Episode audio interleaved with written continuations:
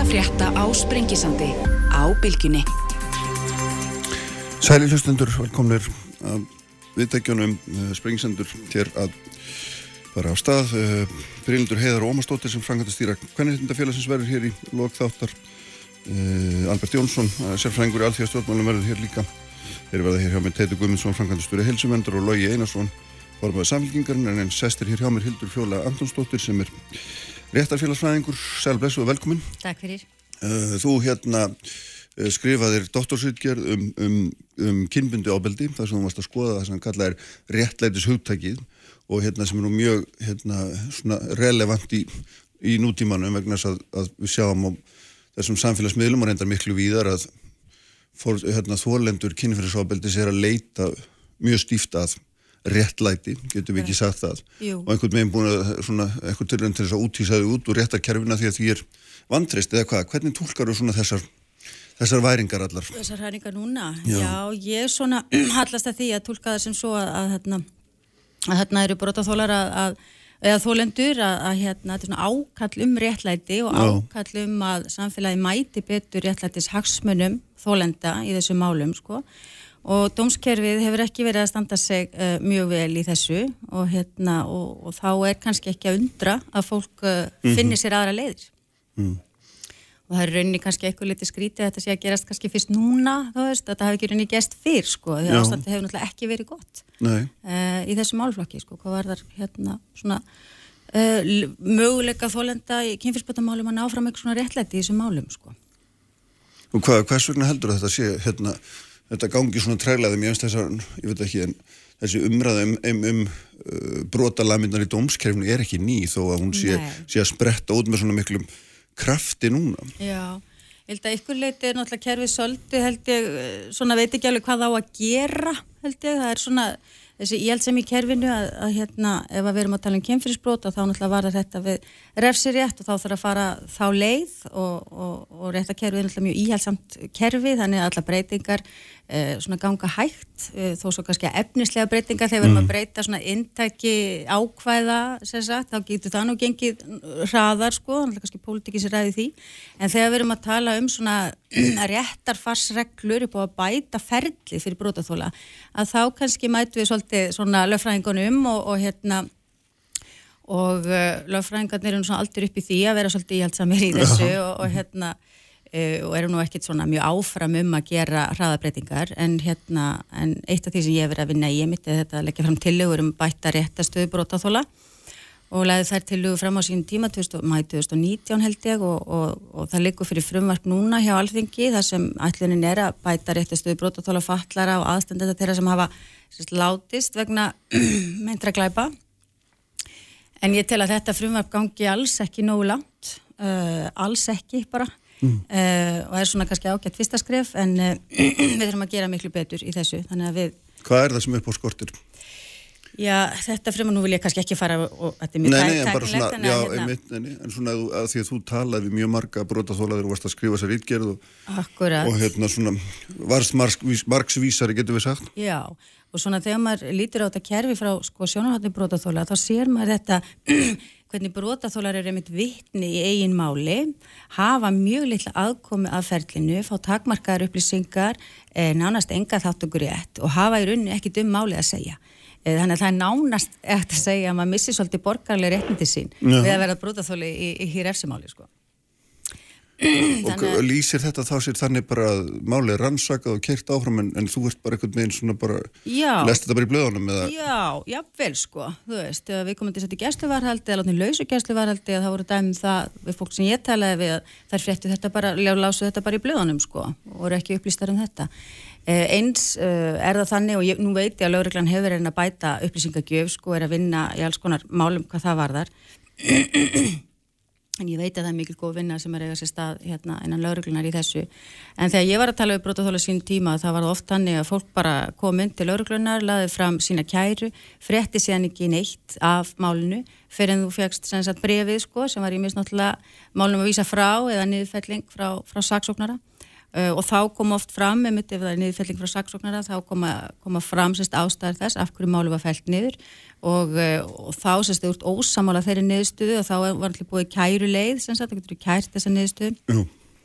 Eh, en það voru mjög fáið sem nýttu sér þessa kærleið vegna þess að fólku upplifið bara þetta kerfi trúið mér ekki sérst, það er engin ástæð fyrir mig til þess að framlengja þetta ömulega ferli sem fólku mm. upplifið sem bara mjög niðurlegandi sko. Mm.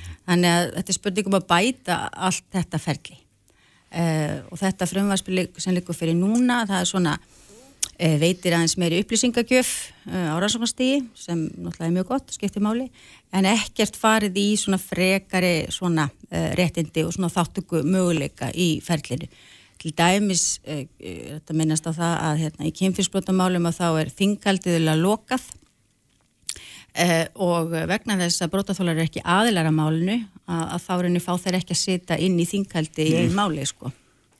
Ekki, það er semst með ekki hlusta á málhutningin Nei.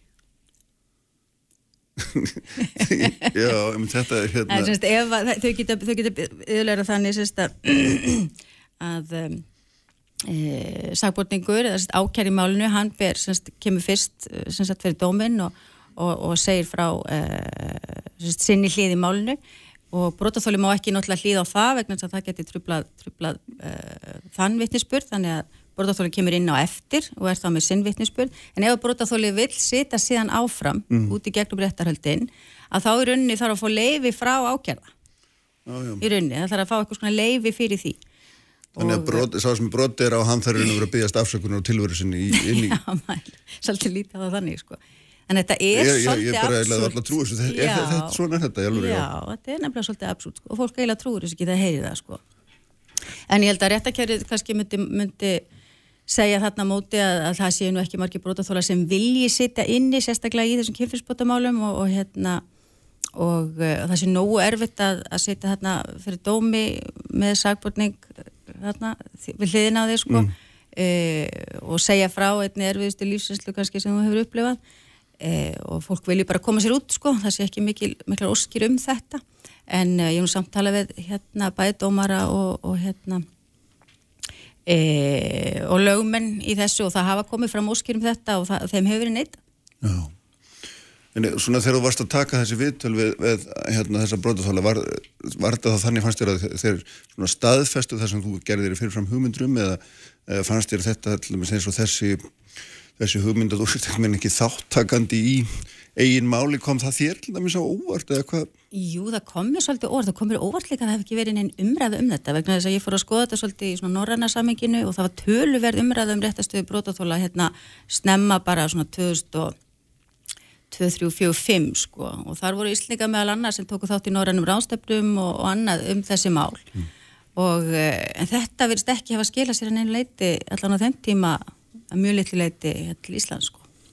Hvernig er hérna Er, er, er við allt, allt öðrum staði í þessu heldur en, heldur en hinn Norðalundin eða hvað? Sko við erum náttúrulega, sem sagt, uh, okkar kerfi kemur náttúrulega frá Danmörku og, og normenn náttúrulega hluta til að hafa tekið sitt kerfi líka frá Danmörku og, og Danir eru svolítið stífur með þetta, hafa svolítið málað brotaþála út um myndinni uh, eins og hérna, Engilsaksninsvíki mörg líka en uh, aftur á móti eru svíjar og finnar hafa haldið svona meira í svona þessa germansku hefð þar sem brotaþólar eru miklu miklu sterkari réttindi og, og svo var það hérna árið 2008 held ég að normenn fór að fara líka í þá mm. átt sko.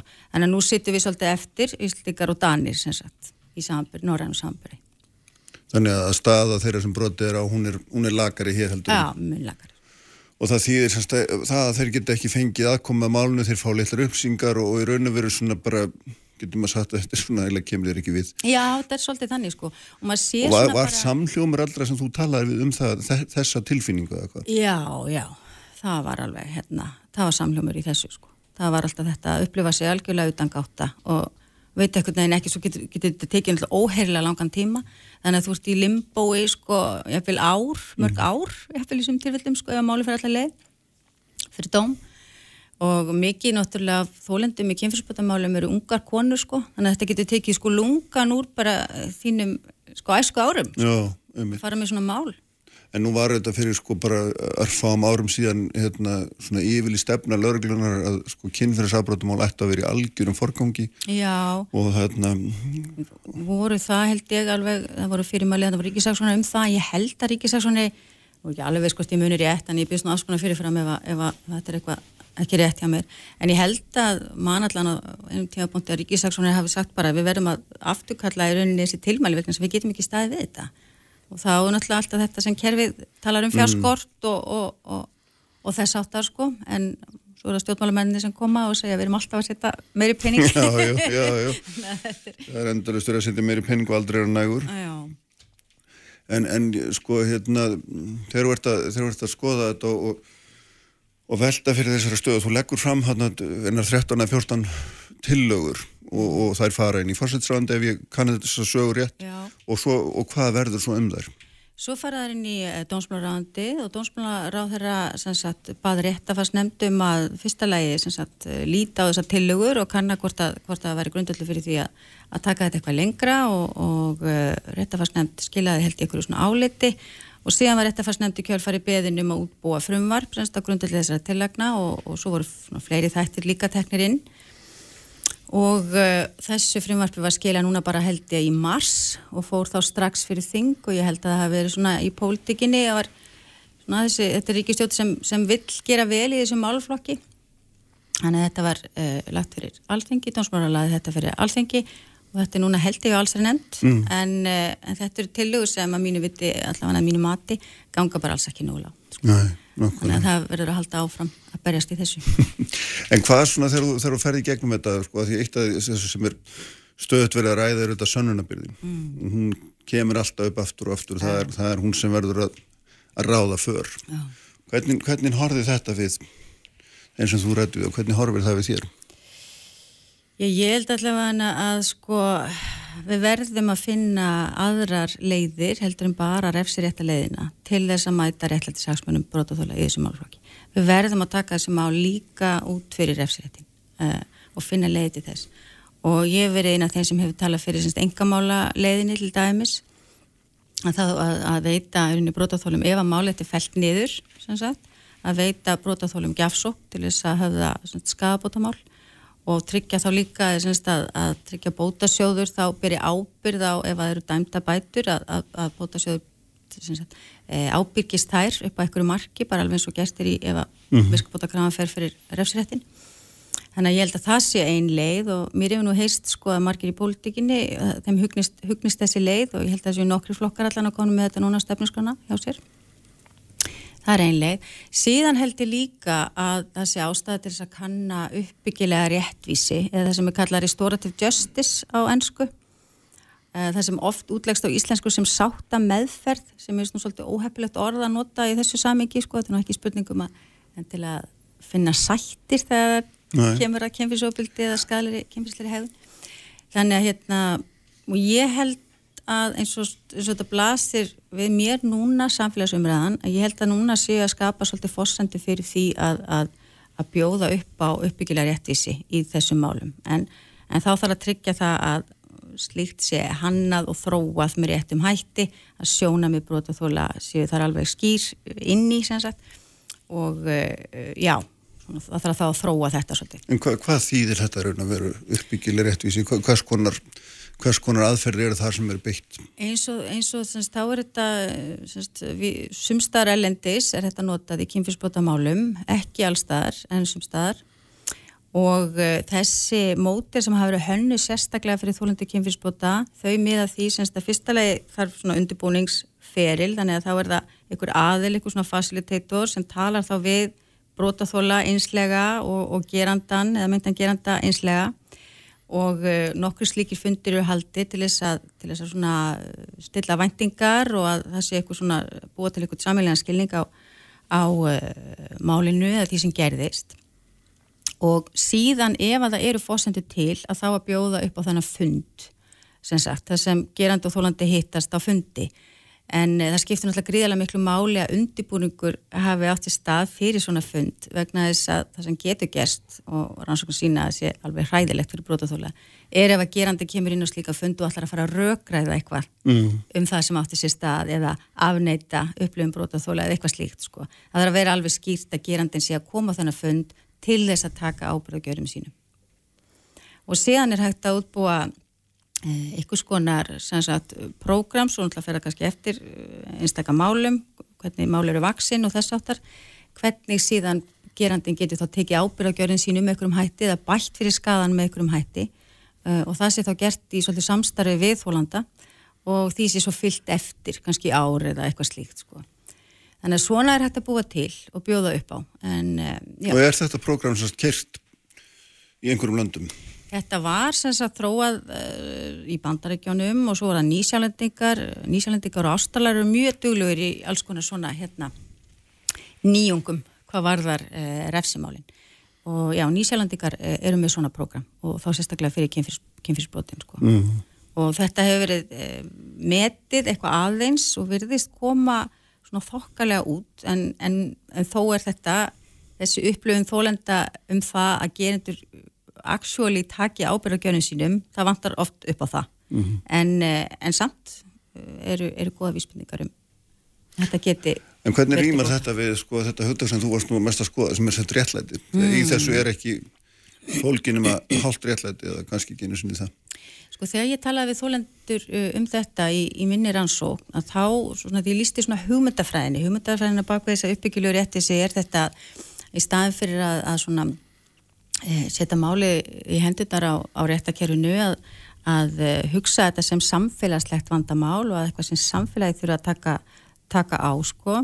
Og þetta sé spurningum að uh, réttlætið sé mitt uppbyggilegt uh, sé ekki sé, hugsi til framtíðar í staðan fyrir að hugsa til fortíðar eins og refsirétturinn gerir svolítið, refsirétturinn er alltaf umhugað um að sko, refsa fyrir brot sem hefur verið þegar framið á meðan uppbyggilega réttvísin er svona lítið til framtíð og hvernig er þetta bæta fyrir. Mm, mm -hmm. uh, og taka ábyrð og það er náttúrulega eitt sem kannski réttakerfi gerir ekki mjög vel, það er enginn kvati í réttakerfin að taka ábyrð þannig að kvatin er náttúrulega að, að berjast gegn eða neyta sko. þannig að hérna, kvatin í þessu likur með um hætti. Og uh, þannig að já brotaþóla svona þeim hugnaðist hugmyndafræðin en stór efiðust um að þetta myndi ganga í praxis og, eh, og þá var það kannski fyrst og fremst þetta að eh, gerendur, ákveður eftir gerendur að vilja fara inn í svona ferli og allt inn í fara að taka ábyrg á gjörnum sínum? Mm en ég held að með því svona hvernig samfélagsumræðan hefur þróast núna nú er komin svo mikið þrýstingur samfélagslegu þrýstingur á gerendur eða þeir sem hafa verið að brota gegn öðrum eða sínt svona skadalega kynfyrslega hegðun. Það komið svo mikið þrýstingur á þessa aðila uh, að gera eitthvað að svona kerfi myndi mögulega uh, geta fungerað í einhverjum tilvíkum. Mm. Það er, það er, ég veit ekki hvað er þetta að kalla þetta, þetta er svona, þetta er svona sjálfsbrottin þrýstingur, hann kemur ekkert með einn allstaðar, allstaðar frá í öllbygginu og, og, og hefur svolítið tekið, ég veit ekki, hefur hann ekki bara tekið hans völdin af stopnunum eða hvað?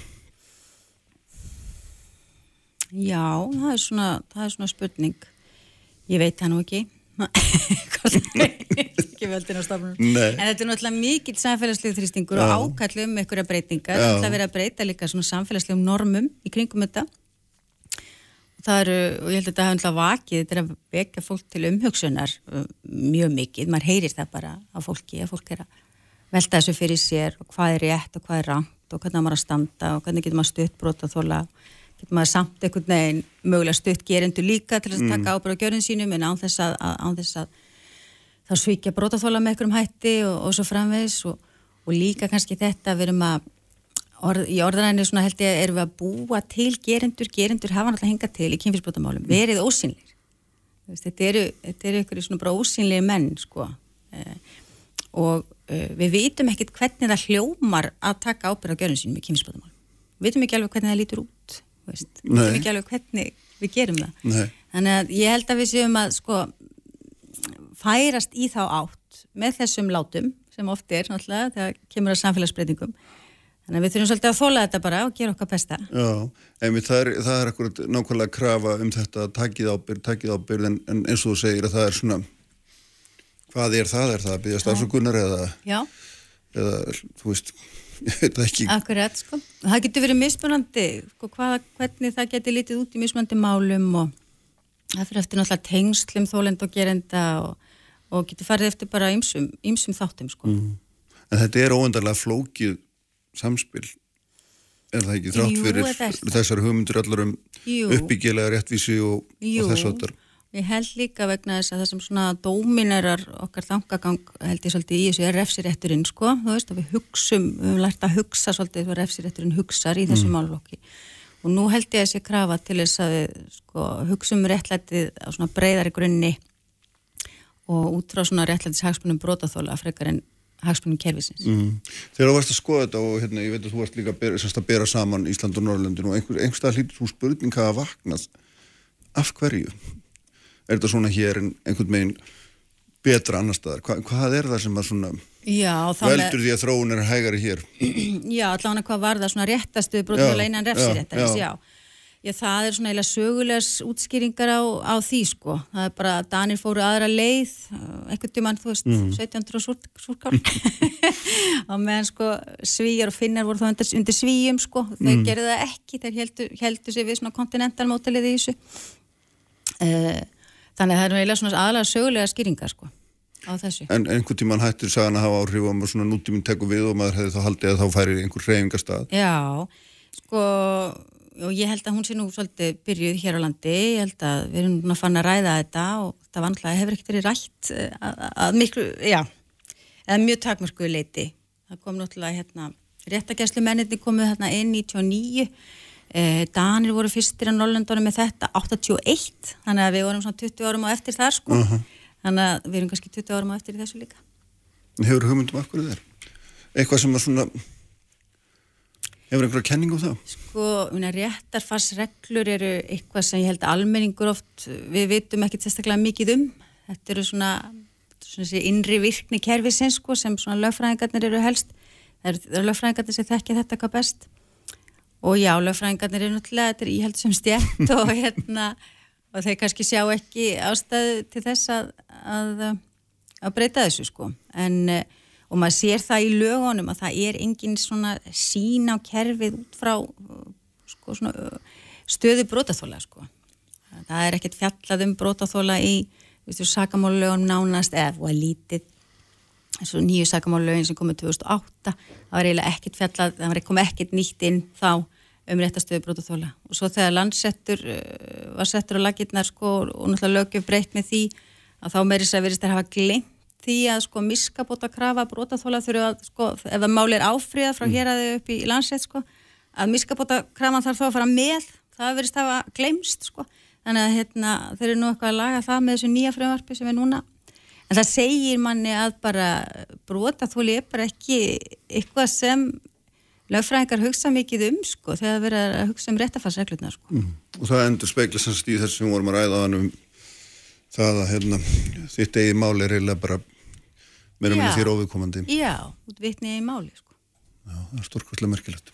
Herðum, hérna, ég heldur komst ekki lengur, lengra, ætla ég að segja, Hildur Fjóla. Takk hérlega fyrir að koma. Þakka fyrir Þeir verða hérna hjá mér eftir augnablik, þeir Teitur Guðmundsson og Logi Einarsson. Uppspretta frétta á Sprengisandi. Á bylgjunni. Kraftmikil umræða alla sunnudaga. Sprengisandur á bylgjunni. Sælir eftir hlustundur, höldum áfram hér sem leiði leikur. Uh, Teitur Guðmundsson, læknir hér, frangandastjóri heilsuvendar er hjá mér. Logi Einarsson, mun byrstast í símanum hljóðlega. Norðan frá Akureyri. Uh, og hérna Hildur Fjóla Antonsdóttir farin frá mér eftir, eftir yfirferð á kynferði sabrúta málunum sem að hér voru áðan. Teitur hérna, við ætlum að byrja á áðan að logi kemur inn til okkar hérna á þessum fréttum að, að þú ætlum að frangvændastjóri heilsumvenda sem tók yfir rekstur hjúgruna heimilisins hlýðar á Akureyri. Svo það er nú sagt og hérna þetta hafi verið í miklu stapi millir ríkisins og sveitafélagsins um ára bil, sveitafélagi greitt með þessu miljardar skils mér og hérna töldi sér ekki geta meir og, og, og þá samdu þeir við sjúkratryggingar um að taka yfir reksturinn og þá strax fóru rættir um að nú hérna nú er þið nú skorið niður og, og, og fólk myndi missa vinnuna og, og launir er lækkuð og svo framvegis. Og nú kemur á daginn í gæri er það ekki að 13 manns eru 13 manns er sagt upp. Er og margir telja að hérna nú hafi, nú hafi allt illt illt ræst. Skilðu þetta aðeins frá þínum Já, kannski til að áreita það, ég er sem sagt franganistjóri heilsumvendar hjúkurnarheimilis sem er þá í raun það félag sem rekur heimilið með samningi við sjúkartryggingar Íslands. Ég er einnig franganistjóri heilsumvendar og þetta er dótturfélag heilsumvendar. Mm -hmm. um, það er alveg rétt, við gerum samning við sjúkartryggingar Íslands þegar að akkurar bara ákveður að skila þessu heimili og þessum rekstri eftir eins og þú lístir erfiðan bara áttu hvernig ætti að í raun og veru greiða fyrir þesta þjónustu og þar liggur þetta merkur í málsins að þjónustan er ekki rétt fjármögnuð, það verður að segja það eins og er alveg frá grunni, mm. en það kemur þannig fram í, í umræðum undanfarið og við getum kannski farið aðeins yfir þá eftir. En við sögðum alltaf að við þýrtum að skoða hlutina mjög vel þegar við færum inn í þetta eins og við gerðum, við myndum gefa okkur tíma til þess og við myndum greina vandan sem var varuð þetta einhver leiti augljós en aðri hluti voru aðeins eitthvað sem við þurftum að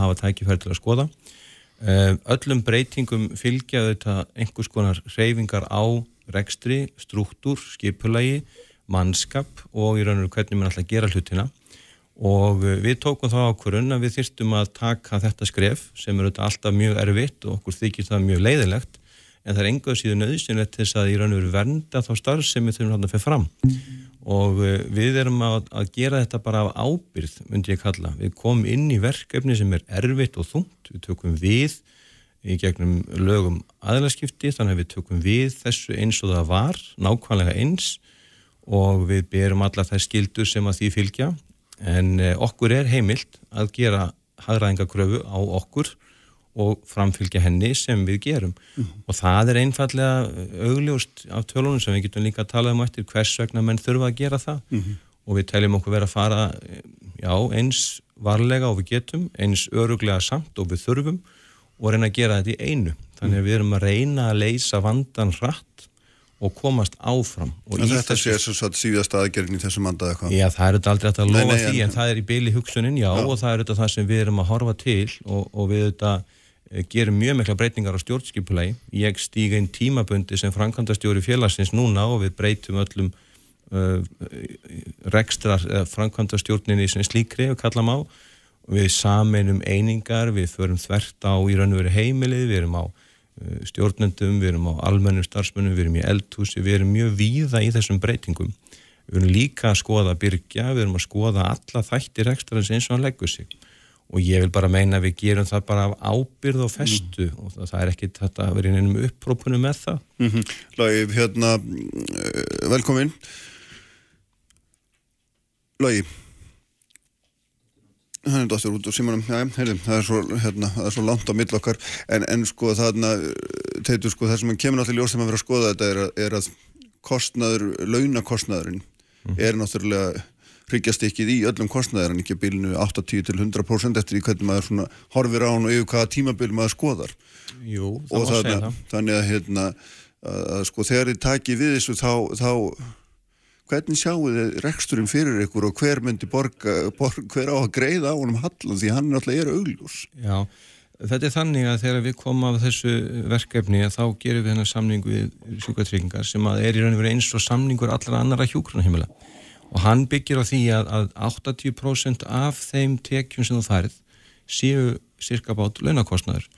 Um, Akkurýri hefur verið að liggja á bylnu 92 til 102% á síðast ári 102% umtalsvert umfram í raun og veru meðaltal á landsvísu sem að Gilvarsk Ísland sínir umtalsvert líka og það er það kannski sem er svo sorglegt að þarna hafa við verið að gera vel. Og, og sko, þá ég við vel í formi þess að mann hafa verið að gera hlutina eins og gátu gert rétt með að við fagmönnun umönnuna klukkustundir og svo framvegis. Þess að mjög gott faglegt starf og það má segja að, að þetta hjókunarheimili sé eitt af flagskipum öldrunar þjónustu á Íslandi. Mm -hmm. og það gerir það líka verkum að okkur þykir það áhugavert þess utan að því að það mun nýtast okkur í allskins öðrum samþættum verkefnum við aðra heilbriðstjónustu sem við komum að. Og það er kannski skýringin á því hvers vegna við tökum þetta okkur. Um, þar sjáum við að sjálfsög líka tækifæri til hagraðingar, til samþættingar við þurfum að skera niður eins og við verum að gera en við þurfum fyrst og fremst kannski að breyta því hvernig við höfum verið að gera hlutina og uh, það fælst að sjálfsögðu í því að lækka þennan kostnad mm -hmm. það veit það og sér það hver maður að ef maður er með 102% af heldartekjum sem þú færið frá ríkinu engöngu fyrir launakostnad mm -hmm. hvernig ætlar þú að gera allt hitt En ef þú tekur þetta að þér með það fyrir augum og þú veist þú ert að vera að segja fólki, það er bara blákallt. Við vitum það að það þarf, það vissu það allir að það þurft að gera breytingar, mm. allir sem heldu að það myndi ekki gerast eru þetta eitthvað starf annar staðar en það sem við erum og ekki að tala á ábyrð og festu. Mm -hmm. Hins vegar, bara til að útskýra það, já. að því að umræðan hefur líka verið um lækkun launakostnar. Við erum ekki að lækka laun. Við höfum ekki lækka laun, það er ránt og við erum ekki að fara að lækka laun.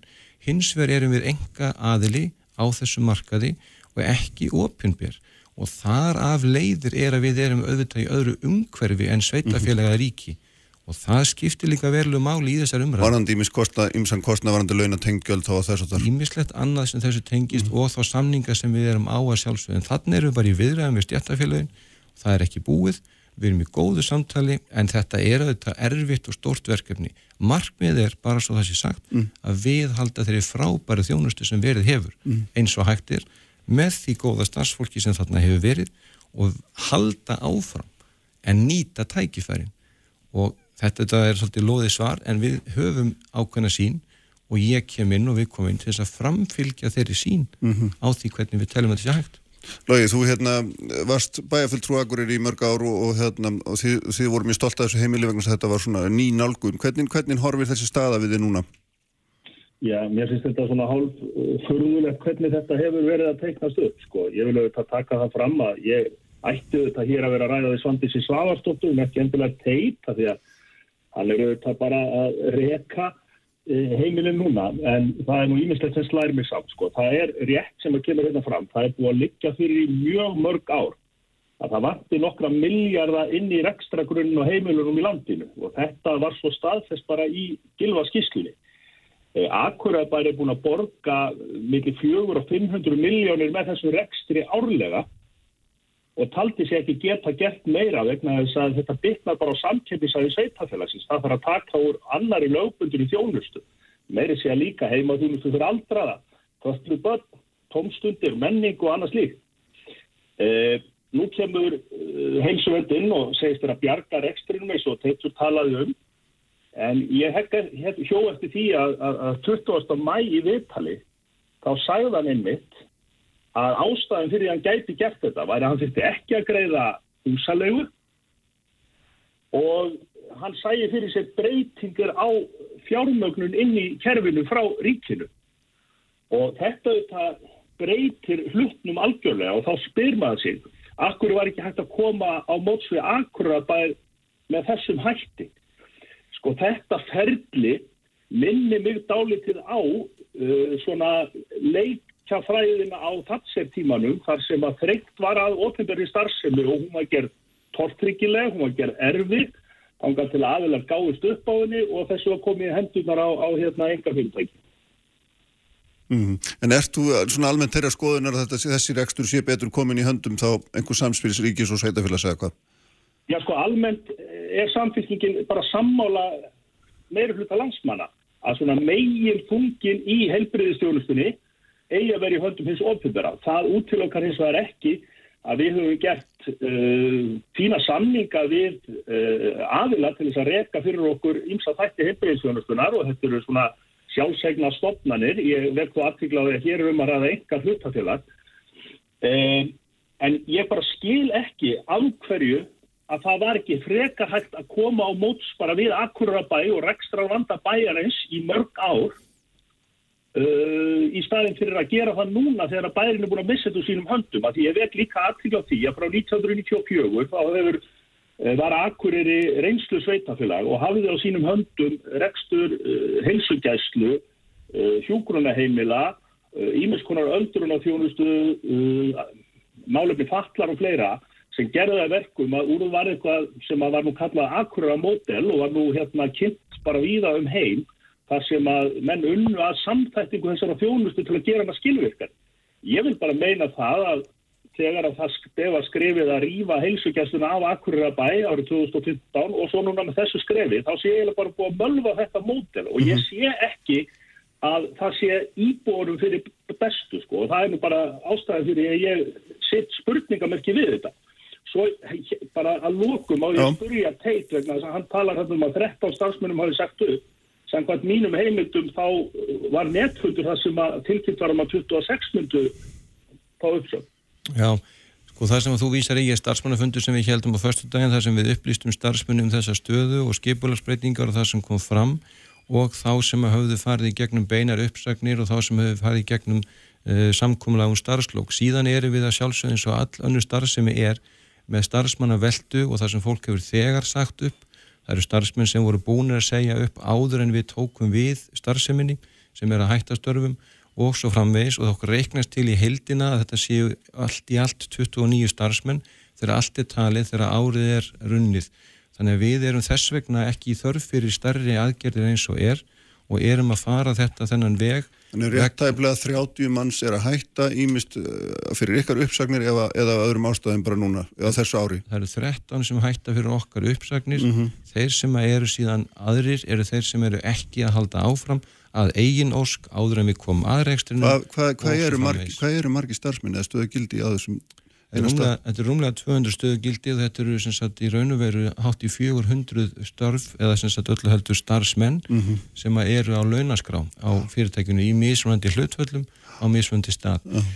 Þannig að vona þetta svar í spurningunni og akkurat ekkit vandamál að veita þessar upplýsingar við viljum vera mjög opinn og gagsæ og þess vegna höldum við líka þennan fund og aðfendum gögn sem að við fundum hjá okkur að væri nöðisynlegt að gera Eitt sem ég vil bara benda á er að þetta félag, Helsuvend Hjúgrunheimili EHF, er óhagnaðadrifið engalutafélag og það er bara mjög mikilvægt að gera skýran greinamun á því og því sem hefur verið í umræðinu undanfarið sem við viljum ekki taka þátt í og teljum okkur ekki eiga taka þátt í. Þannig að við erum að gera Hva, þetta... Hvað er þetta að vísa þá? Já, við erum að vísa bara í umæli til dæmis um arðvæðingu öldrunarþjónustunnar eða það að einhverjir gróðapungar sé að koma inn í öldrunarþjónustunum og ætla sér að græða á gamla fólkinu Við erum bara ekki þar, við erum bara einfallega... Er markmið ykkar reyka þetta núli, er það markmið? Markmið okkar er reyka þetta þannig að við getum staðið við það skuldbindingar sem við höfum gagvað starfsfólki og öllu öðru. Og það, markmið okkar er að því að samþætta og bjóða upp á nýsköpun og nýta þá þau tækifæri sem við höfum. Að því að við erum líka helsugjæslustöð, við erum líka sjúkraþjálun, við komum líka að reksti læknistjónustu yfir 800 rúma á landsvísu í öldrunargeranum, þannig að við erum mjög víða í helbriðstjónustunni þar að segja þessi eining sem slík og við sjáum bara mörg tækifæri til þess að gera betur. Eitt af því sem við höfum talað um í því tillit er auðvitað að nýta þá styrkleika sem felast í því að bæta þessum þætti þjónustuna við, bæta þjónustu út á við til heima þjónustu sem dæmi og svo framvegs. Þannig að vinna með tæknithróun, vinna með fyrirtækjum í nýsköpun, þannig að það eru fjöldamör tækifæri fyrir okkur til að gera vel Þetta skiptir máli, bara alltaf koma inn á húsnæðismálið, af því að það var spurt um það á það. Um, það er þannig að við sem rekstraðili töldum það vera algjört skilirði að við myndum ekki greiða húsalegu líkt og akkurar bara hefði rukkað sjálfan sig um vegna þessar rekstrar hjá mhm. sér. Uh, það er ekki okkar, það er á atrið ríkisins og sveitafélagsins hvernig húsalegu málum eru háttað, en þetta fyrirtæki ríkið á húsnæða, ríkið á húsnæða hluta og akkur eru bara hluta. Og það er bara eins og þetta hefur verið byggt upp í gegnum tíðina og skiptir vel um máli. Hérna, hver, hver, hérna, hver rukkar leiguna? Já, sko, ég meina, eh, þú veist, það er eins og teitur sig að gera það tortryggilega að akkurabær hafi rukkað sjálf á sem leiðu. Það er auðvitað að gera öll fyrirtæki sem er í rekstur og þurfa að byggja. Þú hætti einhvern veginn að borga fyrir uppbygginguna. Já, en það er ekki e, það sem ég er að meina. Ég ætla að fá að klára þetta. Má ég að klára bara? Nei, ég, beti, ég ætla að klára það sem að Kristján eh, tók fram í fyrir mér áðan östut og það er það að fyrirtækið sem slíkt greiðir ekki leigu. Það þýðir ekki að það eigi ekki að borga leigu. Ég er ekki að segja það. Hins vegar er það þannig að það eru mörg félög sem reka þessa þjónustu án þess að borga leigu fyrir það húsnæði sem þeim er skaffað. Dæmum það eru rafnista, dæmum það eru grund, dæmum það eru ymsir aðri sem mm -hmm. fá húsnæði, svo eiga þessir sömu aðilar húsnæði en fá ekki greita leigu fyrir sitt húsnæði og það er nýlega fallin dómar hæstarettar um þetta sem er mikið óréttlætt í grunninn því að það eru fastegna eigendur líkt og akkurarabær sem að, að sjálfsögðu eiga rétt á því að fá leigu fyrir það húsnæði sem er eiga það er bara ekki okkar verkar hinga að greiða þessa leigu þannig ég er í engum móti að tortryggja akkurarbæi hafa rukka sjálfan síðan leigu ég er bara að segja, það er ekki okkar hlutverk að greiða þá leigu allir sem var dag, í dag mm. myndu byrja rekstur hjúkurnheimilis þeir myndu fá húsnæðið afhengt og þyrtu ekki að borga því leigu sem rekstaraðili mm. það gildi líkum búnað það eina sem þurfa að koma með að borðun er fagþekkingin, rekstraþekkingin mannskapurinn og að sinna verkefninu af fagmennsku og trúmennsku. það er ekkert með húsnæði að gera Já, Þannig að ég má- megi nú aðeins koma að Já, staðlega gjörðu svo vel. umræðu, sko. Í fyrsta lagi þá eru það náttúrulega mjög sérkennilegt. Ef að, reik, ef að hérna, ríkið gæti ekki komið á móts við Akurabæ með þessum hætti að greiða það þessa leigu fyrir húsnæði sem er umfattir 200 miljónur ári ef ég skil þetta rétt en ætla svo að gera það við nýja rekstraðila. Það sýnur okkur vilja ríkisins til þess að gera rekstrar umhverju fyrir þennan nýja aðila betri heldur en það var þegar það var í höndum bæjarins. Uh, Teitur talar hérna áðan um sko, möguleikan sem að felast í þessu með þessa samtækting og hann talar með þessum heimahjúkrun og annað og ég er alveg sammálunum með því og hann talar um velferðartækni. Allt þetta hefur verið gert nefnilega miklum metnaði hjá Akurabæi gegnum árið og það er svona eins og Teitur ætli að búa til einhvern fyrirtæki sem að er að fara að byggja það á þessu Akurabæi sem að ég talaði um áðan. Þannig að hérna, ég vonaði það að honum og hans fyrirtæki gangi sem best. Það sem ég er að gera aðtóðsendir við, það er ef að hefur ópefera ætlar að gera enga aðilum uh, lífið léttbærara með því að veita meiri fjármögnum inn í samningana og með því að borga niður húsaleguna og með það er ekki tilbúið að gera það fyrir sveitafélugin í landinu eða helbriðið stofnanuna. Sko, mér hefur fundist það miklu eðlilega skref hjá heilbriðisráðara að reyna bara að semja um þetta við heilbriðistofnun Norðurlands eins og að gera til dæmis við Östan. Þar var þetta sami við heilbriðistofnun Östurlands. En, en hérna, ekki að fara með þetta svona alla leið og ætla svo bara daginn eftir að, að, hérna, að samningar eru gerðið nýtt fyrirtæki að fara að sitja meiri peningin í málaflokkin og að borga nöður húsaleguna. Þá spyr ég, akkur var ekki hægt að gera það hvert akkurabæ, mm. því að við erum svo sannarlega búin að vera í starti við ríkið um vannfjármögnunina í á já, 6-7 ára minnstakosti. Já. Og það er ekkert nýtt sem kom fram í Gilva skýslunni. Gilva skýslan staðfestir einungis uh, fulleringar samband sveitafélaga og fyrirtækja í velferðarþjónustu um það að það vantaði 4-5 miljardar inn í kerfið.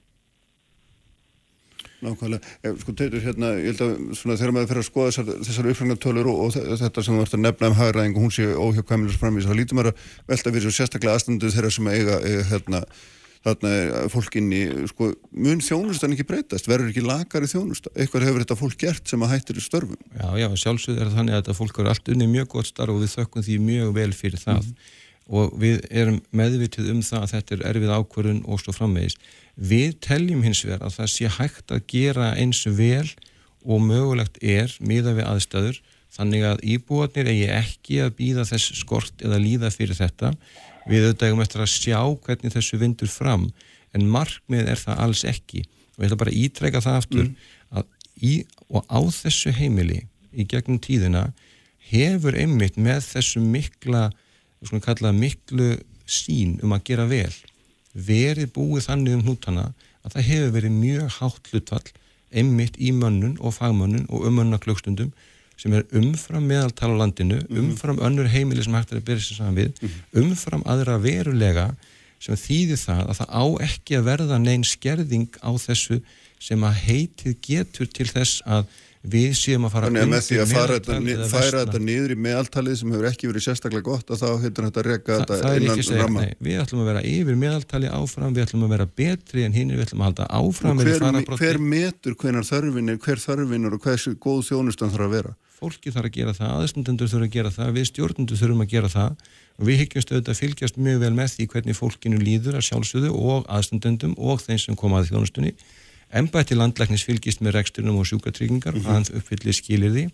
Við gerum það svo sannarlega og gott betur og við ætlum okkur að halda því áfram. Þannig að við sjáum í raun ekki, uh, við, við áttum okkur á umræðunni, svo þessi sagt, og við erum hins vegar bara að taka mjög ábyrðafulla afstöðu í því að gera vel í þessu máli og það er það sem við erum að gera og auðvitað eins og logið kemur inn á þá spilar það með okkur að það er búið að vera hávært óp sem er sko fullkomlega réttmætt og mætti vera enn hávarra um betri fjármögnun í þessu málflokki fyrir alla, ekkert okkur, heldur alla, þannig að hægt sé að gera vel.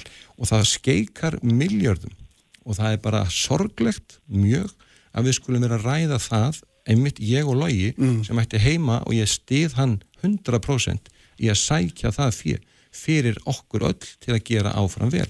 Það finnst mér vera hlutverk pólitíkurinnar, það sem er okkar hlutverk er að gera vel, vera faglega á réttum stað, halda áfram því góða starfi sem að hefur verið en tryggja það Já, að vera innan óttinn- þeirra fjárhagsramma sem við okkur óttinn Af því að við núna sækjum- er að þú- klára, er- við getum ekki sótt þetta fyrir annað.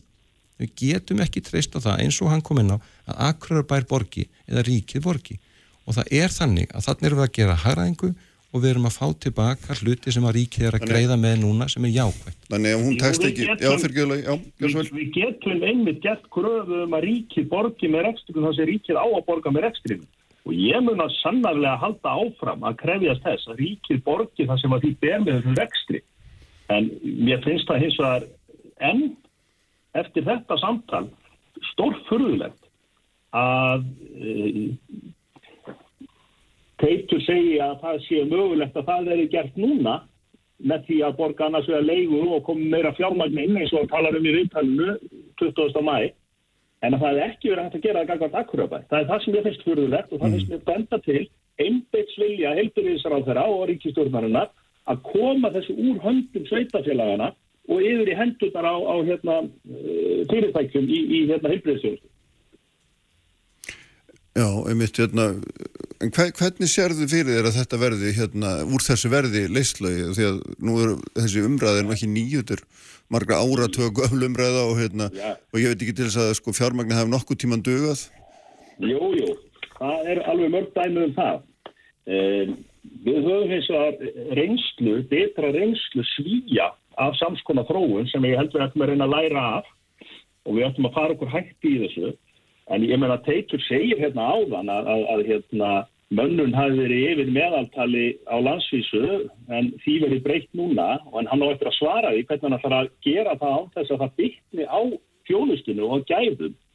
Uh, ég gerir ráð fyrir því líka að með starfsmannaverkinu þá verið nýtt fólk ráðið inn á, á hérna, öðrum kjærasamningum og þannig hérna, lækast rekstarkostnurinn eitthvað líka. En sko fyrst og fremst held ég að, að, að, hérna, að það verið bara að passa upp á það að þessi þjónusta sem að var í fyrsta flokks fyrir norðan að hún haldist og hún verði nógu góð. Og svo má heldur ekki gleyma því að það þarf náttúrulega líka að tryggja að það verið komið áfram vel fram við starfsfólki og ég bara treysti því að það verið gert. að sjálfsögðu. En ég, sko, þa- það er þetta bara, þetta er bara eðlilegar áhyggjur þegar að, hérna, breyting verður á rekstraðala, hvort að þjónustan, hérna, haldist áfram eins og hún er og, hérna, núna myndi maður sem, sem, hérna, notandi hennar að hafa bara miklar áhyggjur af því að svo er það ekki. Menna, það er ekkit, það, maður getur ekki horta á þetta öðruvísi. Nei, ég skil þar ágjur bara mjög vel og við ætlum okkur bara að standa undir því að gera nákvæmlega það sem Logi segir. Við ætlum að halda góðri þjónustu, við ætlum að halda áfram uppbyggingu, við ætlum að halda áfram að veita fyrsta flokks þjónustu í þessum gera og við ætlum okkur það á fleiri stöðum og gera meira en það sem að í þessu er fólkið og ég held að sé megin stefið, það vantar auðvitað öllum meira til að gera vel. Hins vegar hefum við gert einna best og ég er ekki að segja að með því séum við að fara niður að því sem hinnir gera en við höfum gert mjög vel, við höfum mjög mikið metnum til að halda því áfram en það er einfallega þannig að við getum ekki leift okkur frekar en nokkur annar að fara umfram fjárheimildir sem okkur eru skaffaðar. Þær eru samningsbundnar, þær eru skipulaðar af sjúkratryggingum og ríki, fjármálaráðuniti og heilbriðsáðuniti og fjárlögum. Þar starfar logi og þar starfar þingheimur og það er hann sem þarf að breyta því að það sé hægt að gera þetta öðruvísi var það fjármögnun. Við gerum það ekki. Við þurfum hins vegar að tryggja það að reksturinn gangi upp alveg eins og allir aðrir þurfa að gera.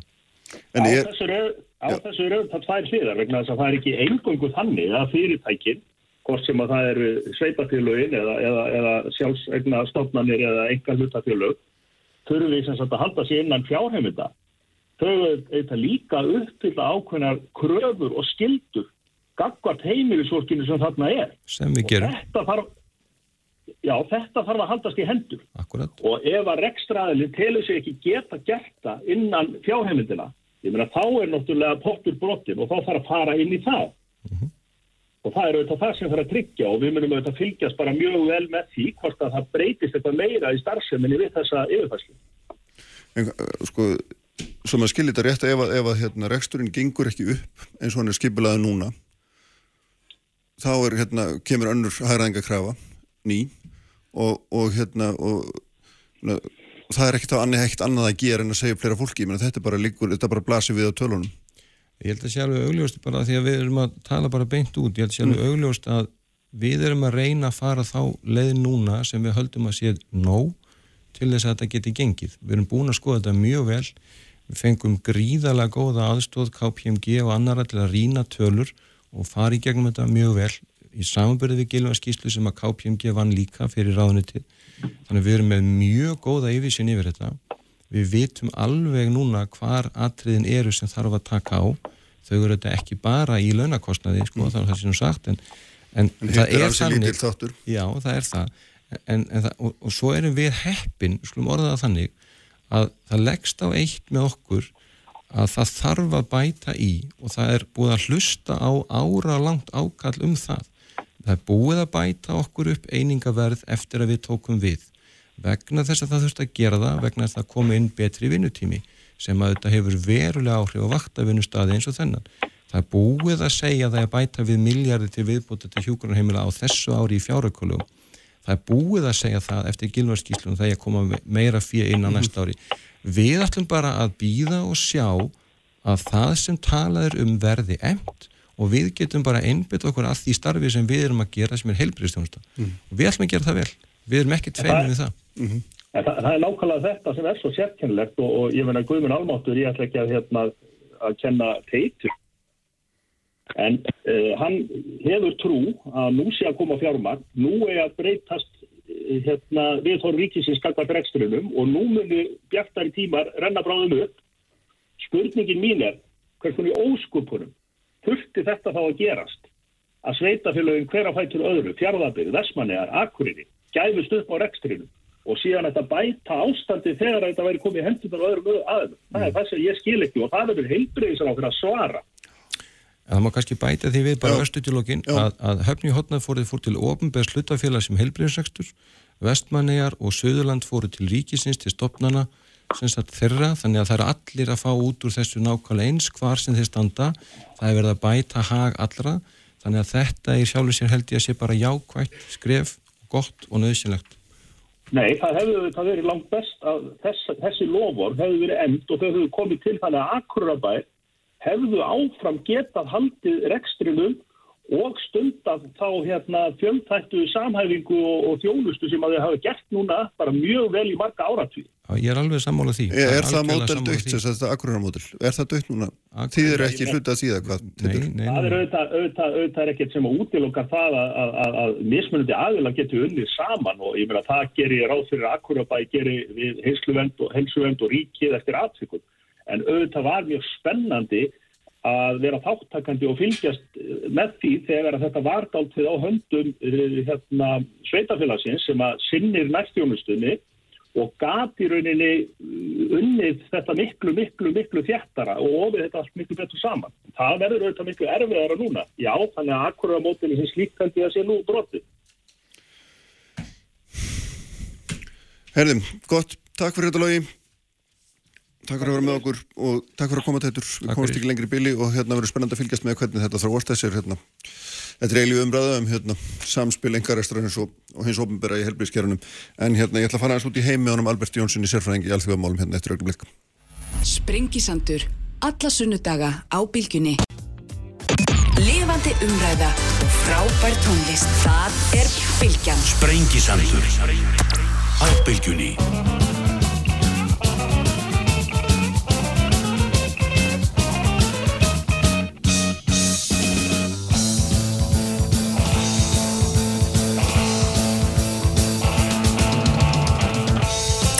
Sælir afturlustundur haldum við áfram hér sem leðlikur á 12 tímanum í dag. Það eru farin frá mér Teitur Gummundsson og Laugi Einarsson eh, sem var á, á línuna Norðan. Eh, hér á eftir verður hjá mér Brynhildur Heiðar og Ómarsdóttir. Hún er framkvæmdastýra Kvendritundafélags Íslands sem er hérna fortfrækt félag, stopnað 1907, hvorki meirinni minna og hérna gerður auðvitað 19. júni og þá voru þá voru 115 ár. Er það ekki rétt minna hefur? 106 ára ætla ég nú segja frá því að konur fengur fyrst kostningar rétt á Íslandi, ég laði aðeins vilja saman. Uh, hérna, en ég ætla nú að fara aðeins út í heim fyrst hérna, hann er sestur hérna hjá mér, Albert Jónsson sem er sérfræðingur í alþjóðamálum en nú svo tíðu gestur hér um þessi málu þetta, særlega blessaður og velkomin. Takk.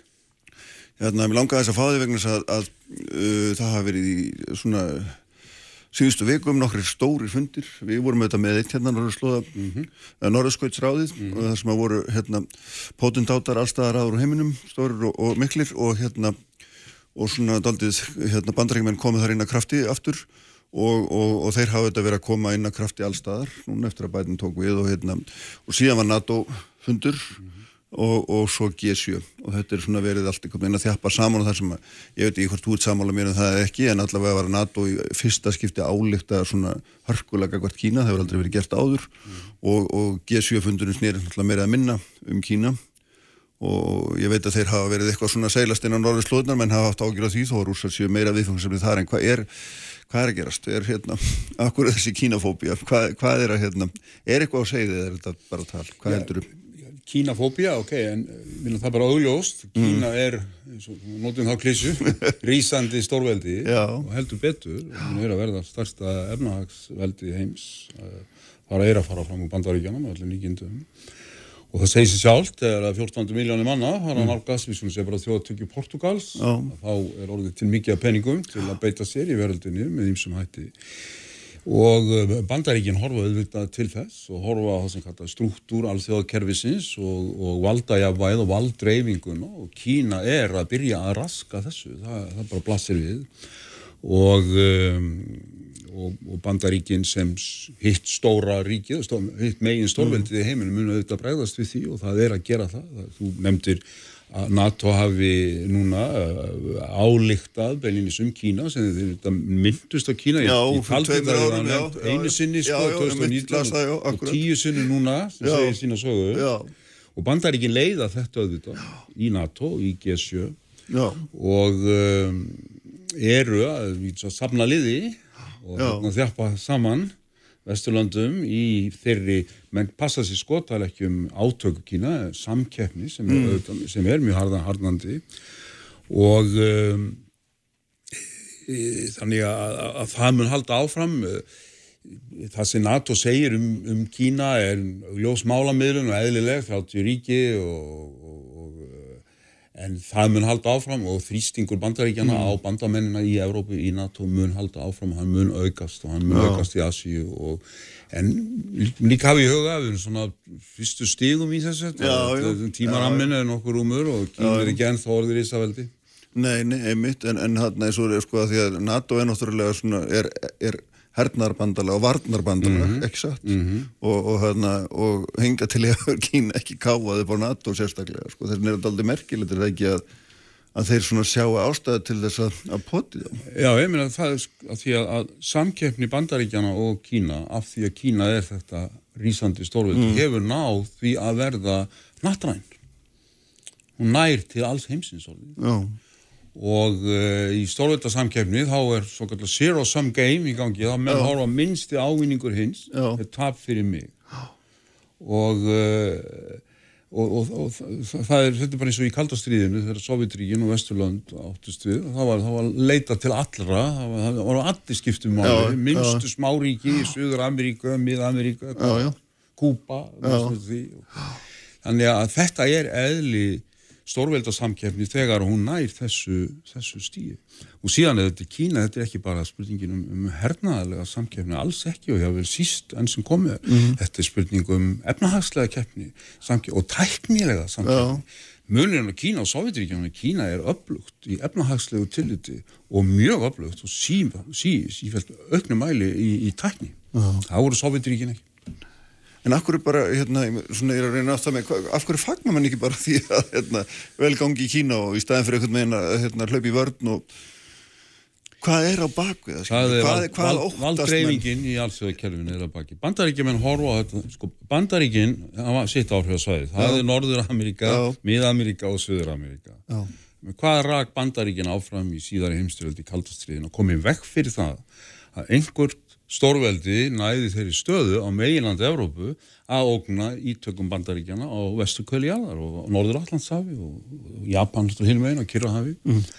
Og núna er óttinn sá að Kína nái að verða dominerandi stórveldi í Asíu og ógni bandaríkjana muni, muni íta bandaríkjanum út úr Asíu til að byrja með, við erum að tala enn aftur Já, já, ára, ára tíu og, og, og verða síðan ógn, beinlis ógn við bandaríkin og stöðu þess í bakgarðinum og vestur kvöli. Þetta er svona í stuttumáli og daldi aðeins einföldu já. drifkrafturinn í þessu. Já, eðlilega. Og hvað, ef maður stendur hér bara á gólfinu sem einhver meðaljón á maður að hafa ágjur á þessu, eða hva- hvað er, af því að það var augljóst að það þurfti að hafa ágjur í kaldastriðinu, en hvað, Nei, nei, sko, þannig að ekki styrjaldi og andi Nei, nei, nei, Kína, auðvitað eru, eru aðstæður, þannig sérstaklega í suðu Kínahafi og Tævan auðvitað, sem menn hafa áhyggjur af, gæti farið úr bandum, það er ekki að útilokka það, ég ætla ekki að vera maður sem mætti þáttum til og sagði, nei, nei, nei, það gerist aldrei, en meina, ekki miklar áhyggjur og Nei. annað líka, ég nefna Sovjetríkin, sko, sko, Og er hvert öðru í jafn og hagslegu tillitið, sérstaklega. kaupir ekki Kína eiginlega allt skuldabrið sem og bandar ekki veröldin er öðruvísi, hún er miklu, miklu, miklu meiri gagkvæm, uh, gagkvæmir hagsmunir, hún er miklu opnar, alþjóðavæðingin allt önnur og miklu meiri heldur inn í kaldastriðinu. Þannig uh, þetta aldrei neitt er alveg sambarilegt sko, en Nei. problemið í, í bransanum, en, en, en vissulega er uh, samkefnum í Bandaríkjan og Kína verður að öllum líkjendum dóminarandi þáttur í alþjóðamálum, í alþjóðakerfinu og þessari völd. Mm. Og það mun hafa auðvitað einhverjar mjög s- spennu afleiðingar sem munu leiða til spennu á alþjóða vettvangi gerði það nú þegar Já, út af Víkurum í, í, í, í mannréttindum í Kína út af Hong Kong, út af Taiwan eh, belt og braut áalluninu innviða uppbyggingu í veraldinni sem að G7-ríkin undir fórustu bandaríkja núna sett fram, við erum komin í samkeppni við Já, og svo framvegis. Og það byrjuð samkeppni og spenna milli Kína og bandaríkjana og þeirra bandalagsríkja í alþjóðastofnunum og þetta mun aukast, þetta mun aukast. Já, þannig að það er hérna, en sko þegar, þú varst sjálfur að velta fyrir þér einhverjum pisli sem ég man nú ekki alveg hérna, las einhvern djön fyrir skemmstu þar sko, þar sem þú varst aðeins að horfa líka frá þessu hernaðafræðilega eða, her, já, og inn í svona bara viðskipti og samskipti og það hvernig þjóðir geti lent á milli. ef þau hérna Já, já, bara það- í þessum hverstastlegu aðtöfnum það, það er kannski það sem maður er að velta fyrir sig þegar maður er að segja á maður að hafa ágjur sem meðaljón. Muna, veist, ver, er þetta þannig stríð svona háð í viðskiptum, tækni og öðru slíku að hérna, samanber belt og braut þegar bandaríkjum eru brjálega þegar það Íslandingar verður, að vera með í því. Já, já, það verður keft um hilli og það verður keft um, um, um, um bandalög og samskipt það, við munum verða fyrir því eins og aðrir. Fyrir auðvitað daldið eftir því svona hvað gerist í okkar nágræni ég, hef verið að skjóða líka um það að ef að, ef að norðurslóðir opnast og Kína kemur inn á norðurslóðin miklu minni mæli en nú er þeir að þá auðvitað munum við á endanum, en nú er komið langt fram í tíma enn aftur, eh, hérna, verða fyrir þrýstingi og þurfum að hafa okkar öryggis, innra öryggi og annað í huga, það er bara þannig. En það sem er samt nálægt okkur í tíma er þetta, þessi það sem kallað er belti og braut sem er mjög ógagsætt heiti yfir innviða uppbyggingu fyrir Já, já, já, fjármunni út um alla heim er það Já, já, já, og þeir eru að seilast til ítaka. Þeir eru svona að verða fyrir vissum áföllum í því, þeim gekk mjög vel í Austur-Európu til að byrja með, en ekki lengur og það er aðtönglisvert sko að þeir sem hafa, er að hlaupa frá þeim eru nú Eistarsalsríkin og Póland, hvaða ríkir er þetta? Þetta eru nánustu bandalagsríki bandaríkjana í Európu og þeir eru auðvitað að horfa til bandaríkjana og hagsmuna þeirra eru svona líklegri en aðrir og það hefur komið fram til þess að flikja sér um bandaríkin eða hraðar en aðrir. Og það hefur komið í ljós. Það er konar glöfur í þetta sem að kynverum hafði þó tekist að koma á lagirnar í Já, Evrópu. en þetta er sem sagt, þetta gengur út á það ef ég skilda rétt er, er, er sagt bara byggja upp vegi, brýr, Já, játbrautir já, hafnir, hafnir. Já, já, já, og lána peninga. Já, bandar ekki ekki með líka miklar áhyggjur af Já. að ríki heims að verða skuldu við Kína og hvað hangi þar á spýtun og allt þetta sem að allt sem að kínveri gera Já, bandaríkjum já, en þeir eru náttúrulega, kínveri eiga hvert einasta bandarísk skuldafrið sem til Já, er já, það já, ekki? já, það er ekki kynverið mér haga, það er að dömpa þeim á markaðin, sko, þeir eiga mikið af þeim, en, en, en, en taktuðu síma en fjarskipta fyrir þetta, Huawei, búið bara slá harkalegi brínu Já, já, í ríki til dæmis eins og Íslandi, Já, milli sendir herskilsmanni að fréttum, sló harkalegi brínu milli bandarækjana og Kína í færeim út af Huawei að sérðu þetta, þetta, þetta er þetta að líta á þetta sem minnst ávinningur hins er, er skadi fyrir mig. Það er svo kallar zero sum games. Já, og í Breitlandi náttúrulega var þetta bara... já, já, já, þetta er mikið breska já. stjórnvalda.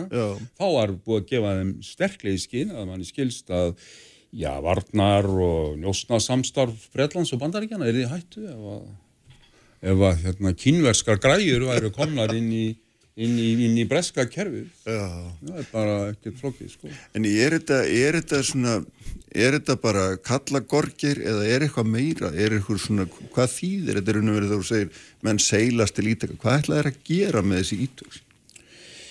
Já, eitt af því sem auðvitað bandarækjumenn uh, uh, hamra á er, er sín Kína eins og þeir sagði á heiminn mm. stjórnarfarið í Kína stjórnkerfið þessi, þetta mun náttúrulega fylgja þá ekki satt í kjálfarið eftir því sem völd og ítök kynveri aukist í heiminum þá mun heiminum litast meira af þeirra gildismati. Þetta er, eru rökin og, og síðan auðvitað eru bara konkrétt öryggismál eins og, eins og öryggismál Suðu Kína, Tævan og síðan mun auðvitað fleira og fleira komið í ljós.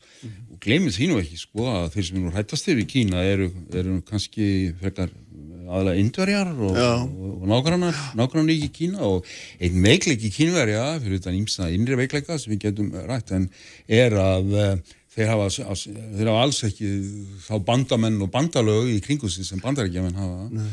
Kínverjar valda ótta í sínum heimsluta Já, það er, það er hérna, þá skortur einhvern veginn svona, ég veit ekki, það var nú aldrei sagt um bandaríska diplomasi og hún sé, hérna, hún sé lipulega en kannski Nei, saman. nei, eða fíngerð, nei, nei, en, en kínverjar kannski heldur svona bylta sér betur eða meira.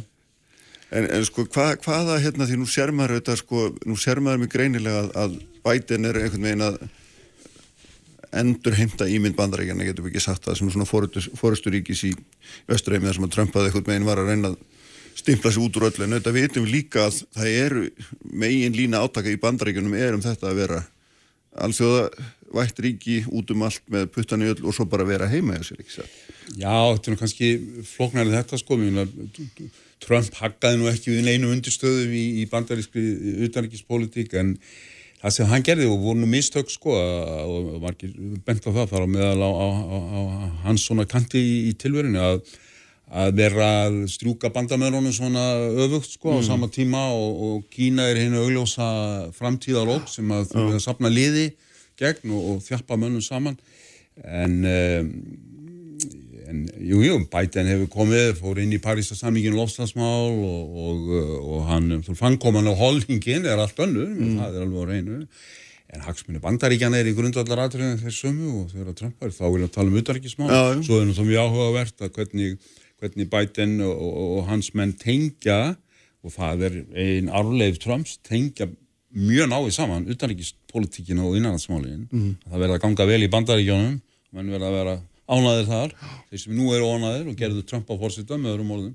Og þetta hangi meðal annars á utanríkistefnunni og minna, ég sagði, það er ekki, það ekki hlaupið það að afnema tollana sem Trump setti á sko til dæmis. Og þannig að já breytingi verður minni en margur heldur en vissulega ásýndin er allt önnur og, og samskipt bandamærni greinilega þeir brosa allt öðru vísi Já, já, í áttina bætin heldur en trá Það er alveg, það er, hérna, það er öllum ljóst. En hvað þýðir svona þessi, þessi stórveldarsamkjöfni fyrir svona mál eins og til dæmis lofslagsmál? Sem er algjörlega glóbalt mál, allir þurfa ekki meina að standa saman um og, hérna, og fara í svipaða leiðu höfum að þessi rætti þetta áður. hérna, já, hvað, þýðir það nákvæmlega í þessu samingi? Já, sko, það er náttúrulega verulega líkur á því að samkeppni Bandaríkjan og Kína muni, ef maður nota orðið, bitna á því máli og gera það enn erfiðara enn það er. Ég held hins vegar að, að það, uh, það máls bara standi núna frammi fyrir svo stórum hindrunum að þetta sé nú ekki svona það nærtakasta. Sko. Nei. Það er bara, ég fylgist mjög vel með þessari umræðu og hún, það eru bara sífælt áleitnar og stærri spurningar sem eru að koma fram um þetta mál og uh, mikil og vaksandi gaggríni á þessar stórirtu yfirlýsingar um kólefnis hlutleysi og mm síðast voru umhverfisvönda samtök og Íslandi hafa auglýst eftir því hvað Íslands stjórnvöld meini með þessu og hvort þið geti verð, verðlagt þetta og svo framvegis. Og núna bara til að taka nýjasta dæmi ég sá að að samtök atvinnulýsins í Þýskalandi auglýs eftir því hvað því stjórnmynd meini með kólefnum slutleysi og hvort þessi eitthvað, fara að ræða það við almenning og fyrirtæki, hvað það kosti og hvernig menn ætla að fara að þessu og svo. Þannig að eins og við höfum talað, eða ég talaði um áður í þættinu, þetta, þetta er rosalega erfitt mál og, og, og, og þetta er mál sem er svo dýrst og svo flókið að það maður færa rauk fyrir því og ég hef skrifað um það að, að það sé verði alþjóða kerfinu eðlist þess vegna alþjóða kerfið mm. ofiða það já, ráði ekki til þetta. Og ég var að rifja upp í hugan þegar ég var í skóla í London í mörgum árum þetta að læra alþjóðastjórnmál. Að þá var sko mikið talað um alþjóðakerfið og mikið gúru þar. Helli Búl skrifaði fræga bók. Og, og þá var sko hvað myndi hugsanlega breyta alþjóðakerfinu sem samansendur og fullvalda ríkjum? Og, og engin, engin ekki diðvald og svo framvegis. En hefur fungerað vel og, og þjónað ákveðinu tilgangi. Hvað geti breytt þessu? Og þá sagði þessi, þessi gúru þáverandi, mm. mm. já það fyrsti sko oknúti geimnum til að samina mannkinni, til að breyta allt því á kerfinu, uh -huh. eða einhvers konar yfirvofandi hamfarir í, í, í vistkerfinu. Þetta, þetta er sko, þetta er 8. áratöfnum. Þannig að, að núna er mikið talað um sko, hamfara hlínun séu vofandi, ok, minna, ef að hún auðvitað fer að banka upp á, Já. þá munu ábyggilega marga forsendur breytast, en það var náttúrulega samkominlega um hana og ég hef ekki séð að það sé komið til sögu. En þetta er eh, þetta er afskaplega erfitt máli G7, þeir töluðum mikið um hérna, já, það hafa fengið sko soliði skammir fyrir eh, hérna bara, þetta sé bara bladur og ekkert að marka mm. og frá einhverju senda samtökum og kommentatorum og, og það er bara margt til í því. Þetta sé bara pér Nei, ekki pér, ég, ég er ekki að, að, þetta fólk að efast um, um, um vilja eða áhyggjur viðkomandi. Þetta er bara svo erfitt mál. Mm -hmm. Og þú talar um Kína og í Kína og bandaríkjana og loslasmálum. Kína er núna langstærstir losandi gróðurhúsaloftegandi verðin og er ekki byrjað, er ekki byrjað að minka. Nei. Það eina sem þeir eru að gera er að minka losun per framleita einingu eins og það heitir. Já. þeir eru bara raunin að nýta kól og olí og gas betur en þeir gerði þeir eru alveg eftir að byrja á að draga úr losum kól og eins og við höfum rætt hérna svo aðferð held ég að muni sykla í strand. Það verður að leysa þetta með öðrum, öðrum aðferðum þá það er tæknilega.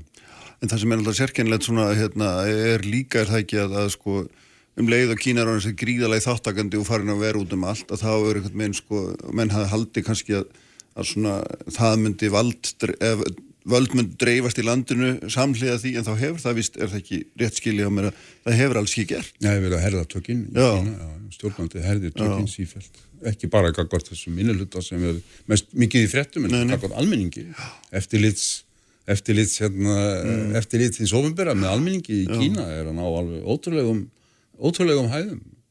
Og uh, og það, það er ekki breytt neinu, þetta er kommunistaríki mm. og það er ekki breyst, þetta er laurugluríki, það er ekki breyst og, og uh, þannig að en maður hefði einhvern tíma látið segja og tæknin leiði bæði, gefur bæði gerir bæði hrættan um stöðina og já. gefur þið möguleika til að fylgjast betur með fólki. Já, en maður hefði einhvern tíma látið segja sér að tvissar að það var hægt að reyka svona kapitiliska framlýsluhætti inn já, í svona miðstýrðu apparati. Já, já þeim hefur tekist það, en það er líka, ég nefndi á þann, innri veikleika þeirra, mm. innri veikleika þeirra eru meðal annars að það er, þetta er ennþá hagkerfi sem er rosalega mikil ríkisrestur í, til dæmis, og ákvarðanatakan er, eh, þau eru upp í staði í mörgum tilvíkum, fyrst og fremst miður við hagsmunni flokksins, mm. en ekki hagsmunni kerfisins, hagkerfisins, skilur við, þannig að þetta er ákveðinni veikleikar, en, eh, en það er alveg rétt sem þú segir, að, að, að, að var áhugavert hvernig þessi blanda hjá þeim hefur tekist til. Mm það, það er alveg rétt.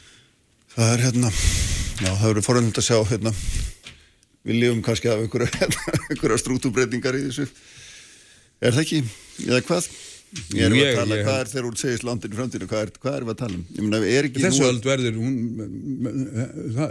samkjörni bandaríkjana Kína mun ráða henni mm. og uh, Asíu Kirrahafsvæði verður ráðandi. Mm. efnaðaslega og pólitist Ljómandi, Albert Takk fyrir þetta Afsakið. Og hérna ég ætla að fara hér aðaftur með Brynildi Heiðar og Ómarsdóttur og eftir hún er frangatastýra. Hvernig er þetta félags Íslands? En takk aftur, Albert, fyrir að koma. Sprengisandur. Alla sunnudaga á bylgjunni. Brynildur Heiðar og Ómarsdóttir sem er frangatastýra. Hvernig er þetta félags Íslands, verður velkomin. Já, takk, halló. Það var sælublessuð. E, hérna, hvernig þetta félagið er stopnað 1907, fórsvært félag og hérna, e, og í gær 19. júni þá byrstist frá ykkur ölsing þar sem að stóða við mótmælum öll Já. og sem var einhvers konar svona eftirlíking af þessari, þessu fræga málverki hérna, sem er nýri, í Alþingshúsinu og nú bara svona spurjum við hverju, hverju mótvælu við öll núna Ykkar vegum? Ha. Hverju mótmælu við? Við, eh, eða við, eh, Já, við, við. mótmælu, við mótmælu hreinlega að, að, að við núna 2021 erum, eh, búum ekki ennþá í, í samfélagi sem byggist á, á jafnbrytti að við sjáum það að það hallar á, á konur á, á öllum sviðum samfélagsins sem er í rauninni ótækt, sérstaklega í þessu landi sem uh, á nú að telja hvað best í heimi á Já, sviðum já. kynja jafnbryttis Já, státum okkur gerna því. Og við stöndum gert á því. Og reyndar og, og, og ég verður nú að segja það, ég ætla kannski að byrja að vera jákvæð að, að þegar við lítum á uh, löndin í kringum okkur og í bara rauninni heiminum að þá stöndum okkur afskaflega vel. Að við höfum náð uh, stóðsigurum í uh, jafnbrytisbaratunni staða hvenna er betri hér en uh, langar ekki, já, ég ætla bara að segja allstæðar í heiminum. Já, og, uh, en hún er ekki jöfn, við höfum ekki náð fullu jafnbreytti og hérna og uh, þess vegna er hverjættundafélag Íslands ennþá til, við vorum hvað stopnum 1907 sem segi, við erum hérna eldgumul við erum 106 ára Já. núna í ár. Og félagi var stopnað af mikillir framsýna, þetta uh, Bríð Bjartíðastóttir og, og konur komið saman og, og, þá var aðalbaratumölu á þeim tíma var sjálfsögðun á þessum grundvallaréttundum að fá að kjósa. Já. bara hreinlega að fá kjörgingi og kostningarétt en, eh, en strax í fyrstu, uh, í fyrstu stefnaskroni að þá var það líka að við vildum fá jafnbretti á vinnumarkaði og jafnbretti í uh, embættum og jafnbretti í námi og við höfum, þegar við lítum á samfélagi í dag þá höfum við ekki ennþá náð þessum uh, grundvallar uh, réttundum og þess vegna erum við hér ennþá í Hvað dag. er það sem að, já, nákvæmlega, hvað er það sem að út af stendur? Hvað er það? það? Ég myndi segja að það, það, það er hægt að bæta og gera betur á, á öllum sviðum samfélagsins. Já, það er á öllum það sviðum Er á, það er á öllum sviðum samfélagsins. Við höfum staðið okkur að mínum mati langsamlega best í, í stjórnmálum.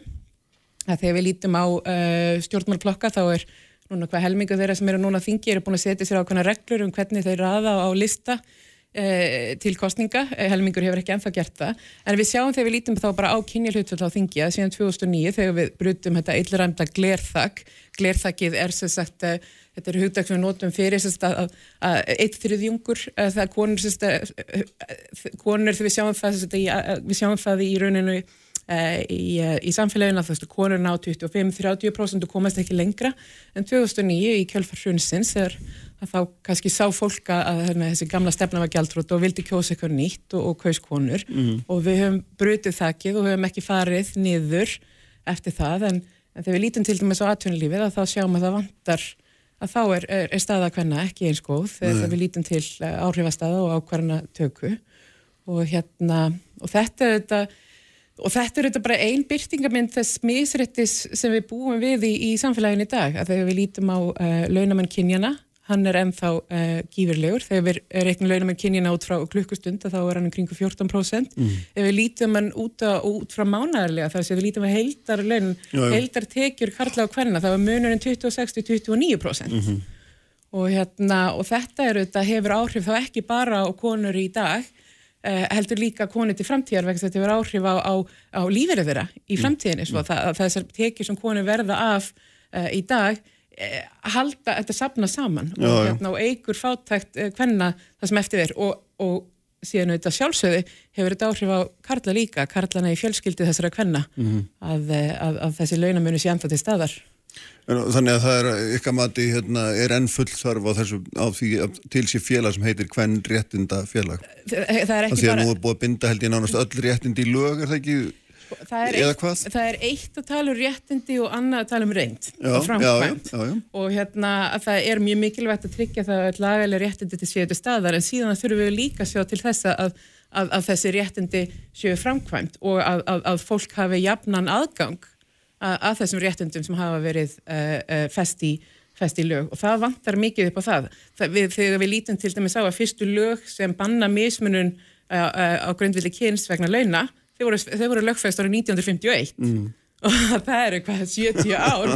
Og svo við, við, búum, ef við búum ennþá við launum með kynir það, það er eitt að setja lög og, og annað að framkvæma það. Og þetta er oft inn að ég er búin að vinna núna í hverjættindafélaginu í, í tíu ár og ég hérna notaði mitt ofta þessu hugtökuna við erum ennþá hér vegna þess að og hérna og að við leggjum okkur niður þegar fullu jafnbrendi er unna en eftir áratug að, starfa fyrir þessi, starfa í jafnbrendisbaratunum þá er ég bara komin á þá skoðun og stend fast við hana að það verður alltaf þörf fyrir félög eins og hvað réttindafélagið mm. vegna þess að við sjáum að öll þessi réttindi, lagaleg réttindi og allir þessu áfangar uh, sem við höfum þó náð að þeir hafa komið til vegna utan að koma til þrýstings að þetta er ekki það að stjórnmálafólk eða fólki í aðstu stjórnum fyrirtæki eða fólki í aðstu stjórnum verkefélaga ákveða skindilega að fara að berjast fyrir uh, jöfnur rétti á mm. grundveiti kynns. Það kemur til vegna þess að það eru utanakomandi þrýstahópar sem koma saman og þrýsta á til breytinga og það verður alltaf þörf á að hafa uh, þvílíkt félag og þvílík félög, það er ekki hafa eitt félag, við verðum að hafa stóran og víðan uh, völl af, af, af, fólki og félögum sem berjast fyrir uh, kynja jafnbretti og jafnbretti bara almennt til þess að halda uh, fólki sem er svo kosið til valda til ábyrðar. Mm -hmm. En það, maður sér það samt að svona, auðvitað hefur, og það segir líkum hlutan sæli að auðvitað hefur ykkar hlutar vantlega brist mjög mikið og er að breytast mjög mikið, það eru mörg aðaldafélög, þessu 7-8 aðaldafélög aðkvæmistafélög eru núna mm. og, og hérna, þau eru mjög ólík, þau komum mjög ólíkum áttum Já. ekki satt, þannig að þið eru að láta eitthvað svona varða mjög breytt spektrum. Já, við höfum alltaf, eh, hverjum félag hefur rauninni alltaf, að minnstu hvernig síðan 1944, mm, núna starf fyrir félag sem getur talað í, svona, í stóri sögu, en þess að þetta árið 1944, þetta er enna svona kannski skoplegt að hugsa til þess, en þá átti sér stað alveg umræða hvort það væri bara ekki komið tími til að leggja niður félagið. Þetta er á þeim tímapunkti sem það er mjögulega einkona á þingi af, af 63 þingmannum, en, en þá var sérsagt í rauninni bara e, e, líðræðis andi í brjóstum fólks hér á Íslandi og, við, og það var svona almenn hugmynda með, með, með, með sjálfstæði að þá myndur þetta bara allt lagast, allt kæmi með sjálfstæðinu og þá var bara komin, er þetta bara ekki komið tími til að leggja niður hverjandi félagið og það var ekki gert en í staðin var sett þess að ákvæmnar vinnureglur innan félagsins mm. að við myndum hafa alltaf í stjórn félagsins uh, konur sem störfuðu í öllum flokkun sem voru virt á þinginu þar sé til að tryggja það að það væri þá fjölbreytni í hérna í skoðunum að það er að segja að, eh, að hverjættindi baróttan er það mikilvæg eða jafnbrytisbaróttan er það mikilvæg að hún á ekki heima hjá einu með einum flokk heldur á hún heima hjá öllum flokkum og til mm. þess að náð uh, tröstu jafnbrytti þurfum við að gera þetta að hugssjón sem við öll berjumst fyrir og þetta er rauninni, uh, þetta er þessi þetta andi sem við störfum uh, samkvæmt ennþá þannig í dag í dag að við tölum við alla flokka, við teljum að hverjættindi og jafnbrytti séu rauninni þessi á sem sker á allar pólitíska skoðanir og sker líka á allar aðrar uh, baráttur í, verkefniseringu, við sérst viljum hafa öll á borðinu vegna þess að ef við reynum ekki að hafa áhrif á öll svið mm. samfélagsins, ef, ef við breytum ekki öll svið samfélagsins, þá breytum við ekki samfélaginu svo við verðum að starfa á öllum vikstöðum. En myndur ekki samt segja að þeir tengdust meira eða segja svona verkefælishreyfingu, rótagum, öllum þeim megin heldur en til dæmis aðunleikandarhreyfingum? Er það ekki nokkuð augljóst eða hvað? Já, við höfum unnið afskaplega vel með uh, verkefælishreyfingunni mm. uh, bara, bara gegnum tíðina og verkefælishreyfingin hefur verið óstjórnlega sterkur uh, drivkraftur í að tryggja og bæta stöðu hvenna á vinnumarkanum. Þegar við lítum að það, þá, við, þá eru við bara eitt hagsmannafélag með ákvæmna hugssjón en verkefælisfélagin hafa þann kraft sem þarf til þess að breyta samfélaginu öllu að hvað eru 90% þjóðarinnar sem tilhera verkefælisfélagi mm -hmm. og, þegar, og þegar verkefælisfélagin ákvaði að setja kynjajabrætti eh, ásessagt eh sem hluta sinni baróttu þá fóru líka, þá fóru við að sjá núna fyrir nokkrum árum hlutin að breytast eh, mjög hratt þegar þetta varð í rauninni viðtekin hluti af, af baráttunni fyrir bættum kjörum launafólks. Og það var að geta talað um að við verðum líka að berjast ekki að kempundu launamun og bæta stöðu hvenna á vinnumarkanum mm -hmm. en við, en, og þetta var í rauninni og þetta er eitthvað sem við hefum líka eins og við fyrum aftur þegar við stopnu, til stopnum okkar 1907 og þetta skildu konur á þeim tíma líka. Svo að Bríett til dæmis og hún stopna ekki bara hverjitandifélagin, hún átti líka þátti að stopna verkalýsfélag hvenna það er að segja að við vissum það að baráttan gæti ekki bara verið pólitísk og lít þyrti líka vera á, á vinnumarkanum til þess að bæta stöðu eh, konu sem væru útífinandi og hérna en eh, síðan þetta tók við 20-stöldin og við sáum smám saman að þessi eh, félög, voru stopnuð ótal eh, eh, félög eh, verkakvenna þannig byrjun 20-stöldarinnar en síðan samiðist þau öll í, í stór heildarbatteri og það, og, og það er ekkit fyrir allar síðustu áram að við höfum verið að sjá uh, konur kostar þar til, uh, mm. til valda og til áhrifastana uh, og, og það er bara núna á þessari öll svo að þú veist þetta er, ég er hérna en ég segi verkefælisfélög, það bara, þú veist, það er, ég held að það er eitthvað eitt sem getur, já, þetta er eitt stór þáttur í því að við á Íslandi stöndum okkur svo mjög betur en önnurland í, í, uh, í jafnbreytisbaratunni. Mm -hmm. En hver er, svona, hver er hugmyndafræðið svona þessara, þessara samtaka? Er þetta, ég veit ekki hvað maður að segja, er þetta feminisamtök eða hvern, hvernig skilgrinnið ykkur? Svona, er þið komið allar saman inn á þessi áttinni, inn á þessari áttinni og með ólík lífsviðhorf Já. og hérna allt þetta, ég minna...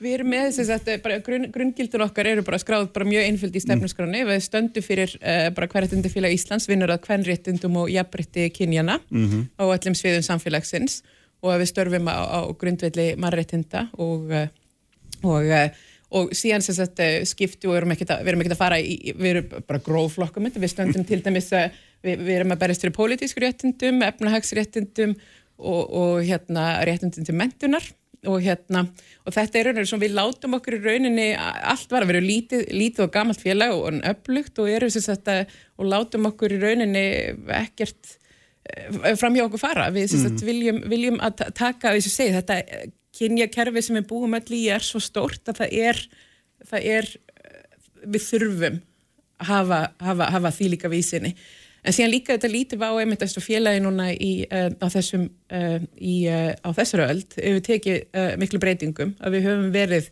að, að líka grafa inn í okkur að, sagt að, að, til dæmis að við heitum hverjættindafélagið en, en, en við erum ekki bara fyrir konur. Að, að við sjáum það að skilningur okkar á, á jafnbreytti kynjana eru auðvitað mun betri núna heldur hann var uh, fyrir 106 Já, árum vegna þess að við, við núna gerum okkur grein fyrir það að gera grein fyrir því að, að kyni er ekki bara karl og kona að það eru líka til fleiri blæbriði af kyni og núna eru uh, festi lög lögum kynrætt sjálfræði til þess að sem, þar sem þrjú kyn eru, eru skrásett uh, uh, hér. Svo við sem sagt að, að við viljum líta á sagt baráttuna í, í, sagt gegn uh, fyrir kynjajafbreytti á þannig víða máta og við verðum líka að næsti stóri slagurinn í sem sagt uh, hverjættindabarátunni og, jafnbreytist barátunni hreinlega er að við getum tekið inn og, og, og, og, og tala, tekið inn sagt þessar aðrar mismunarbreytur sem eru líka uh, verða líka til sem sagt uh, mismununar. Og það eru og það eru til dæmis og að, að, út af litarhætti eða uppruna uh, út af föllun og þetta og við erum að búum núna í, í mjög breyttu samfélagi að það er stór hluti þjóðarinn eru núna af erlendum uppruna og við erum ennþá eftir að sjá þess að við sjáum það að það er mikil mismunum til dæmis þegar við lítum á, á atvinnlýsustölur að þá er, er mun herra atvinnleysi hjá meðal uh, fólks á Íslandi sem er af erlendum uppruna heldur en af íslenskum. Og hérna svo Þannig þetta að er þið eru, einhvern veginn að taka einhver stöðu sem svona félag fyrir ef ekki kalla það minni hluta hópa svona bara orðið að bara pentaník Já, bara, já. bara, þú veist, bara félag, eh, fyrir félag fyrir að minni hlutu hópa konur utan það 51% Já, já, já, en svona- en en að en hópa Já, við, já. já. við viljum skilja, það er ekki nóg að tala bara um hverjitindi, við tölum bara um hverjitindi þá, hérna, þá, náum við ekki langt, við verðum að geta litið Mhm. að baráttuna í vítækum uh, skilningi og þetta er kannski það sem við erum spenntust yfir að, að við erum í þeirri fórhættustöðu félagið okkar að við höfum eitt starfsmann sem ég. Og hérna það eru ekki önnur, uh, það er ekki önnur græsóttarsamtök sem eru að berja sér í kynni jafnveg sem geta, geta, geta sagt það að, sagt, að, að, að þau, þau til dæmis önnur samtök í kvennarhefingunum sem hafa starfsmenn eru, eru samtök sem veita ákveðna þjónustu eins og stígamót og, og kvennaðarkarfið mm. svo að við lítum að það sem ákveð, ákveðið skilt okkar hreinlega þar sem eh, við höfum eina starfsmann, mig að, að, að, að við séum þá öðrum græsrótar samtöku sem eru að berjast fyrir eh, hverjættindum og jafnrætti kynjana eh, bara ákveði ákveðna þjónustu og stuðning í, í þeirra starfi. Svo að og, og eitt af því kannski stærst og, og kannski það eh, það eitt af því sem ég er stoltist af það sem við, uh, við höfum verið að gera núna senst árun er að við stopnum svo kallar kynjaþing. Og þá er það uh, þing sem er haldið einu svona ári á, á haustmánuðum þar sem uh, við í hverjættandafélaginu uh, við sem sagt leiðum húsnæði með sölum og bjóðum í rauninni samtökum sem starfa að þá jafnbretti kynjana og, og, og, og hérna að koma og halda viðburð. Og maður vera fyrirlestur eða, eða, eða, eða, eða pallborð eða, eða partí, það bara þú veist, þið hafa bara þið leia, leia þannig að fá þannig, ekki leia, þið fá þetta okkipis, þið fá þannig að herbyrgi og geta gert hvað sem er við herbyrgið og þá reynum við að og með, uh, og með því viljum við gera þess að tvent að við viljum uh, uh, að, að þessi samtök eflir sínu starfi að það er að þau fá þarna áhörvendur sem koma til þess að hlusta kannski á eitt, eitt félagi, fara og kynast öðrum anga jafnbreytisbaróttunar en síðan líka ekki síður mikilvægt og það er að þessi, uh, samtök séu að tala innbyrðis að, hérna, að þau séu sagt, að, að frétta því hvað þau eru að gera á sagt, hver í sinni félagi og geti þá mm. eld sér starf innbyrðis og auki samstarfin á milli vegna þess að við sjáum það líka að, að það þarf fjöldarhefingu til þess að verða raunveruleg breytingum. Eitt og eitt félag getur gert mm. bara takmarkað en saman getur við breytt heiminum. en þið, þið eru náttúrulega lobbyistar líka, já, er það ekki? Jú, við erum lobbyistar, alveg híklaust, fyrir, fyrir, fyrir, fyrir hvernheitindum og kynnigjabreyti. Já, akkurat, en minna, það er hluta eitthvað vinnu, að, er hérna að vera lobbyistar, að vera nýra á þingi og tala fyrir eitthvað málstöð, að fara já. á fundinemnda og, og, og gera aðtúarsendi við lögju og er við, það ekki svona... Jú, við, sagt, við lesum, við lesum uh, lög, uh, frumverf mm. sem koma frá þinginu og, og sendum inn umsagnir um hvað við teljum sagt, uh, hvað, bara, hvað ég þarf að bæta til þess að, að, að tryggja það að, að mhm. réttindi hverna og kynna jafnbreyti segja allt svo að við, við sinnum sagt, því eftirlýfslutverki að íta þinginu til að gera rétt en síðan líka sinnum við ákveðinu eftirlýfslutverki á alþjóðavettfangi að þá er Ísland aðili aðsess sagt ímsum alþjóðasamlingum sem, sem eiga tryggir réttindi kvenna og þá sem eru við þessu óháðar rödd sem sem erlendir aðlega leiti til til þess aðtúa eru stjórnvöld að gera rétti no. í þessum málum mm -hmm.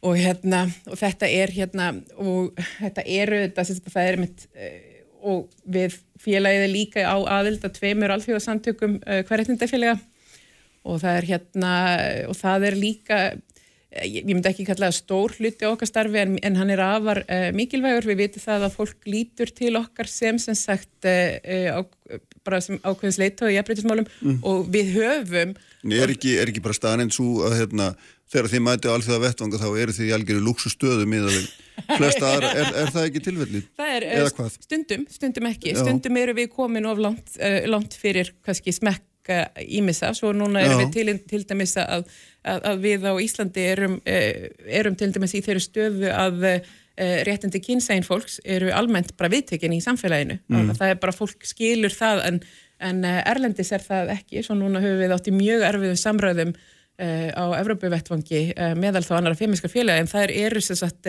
en þær stau samtök eru núna undir mjög þungri árás bara fólk sem vil útiloka transfólk út, oh. út úr uh, kynningabritsbaratunni og þetta er og þetta er þetta bara, bara skjálfileg þróun sem við þurfum að mm. vera að reyna að stoppa og hérna en eins og segi það, þetta er hérna það er, uh, ég er til til að bjart sín á framtíðin en, en, en, en sín á sama tíma þá sé, þá sé ég að, að það er það við eigum líka hættu á ákveðinu bakslægi vegna þess að það eru ólýðræðislega öflvaksandi út um allt Þannig að þú ert hérna bjart sín á framtíðin að þú telur samt að þau hvernig þetta félag um aldrei alltaf. Er þið takk fyrir að koma og hérna vera með okkur og hérna við verum að láta sprengisandinum loki í dag. Ég er Davíð Haldursson stýrið útsendingunni svo hann gerir alltaf. Allt efna á vísi.is og bilgjan.is. Svo auðvitað það hvarvetna sem þið finnið hlaðvörpun ykkar. Svo verðið með ykkur hér aftur eftir viku. Verðið sæl.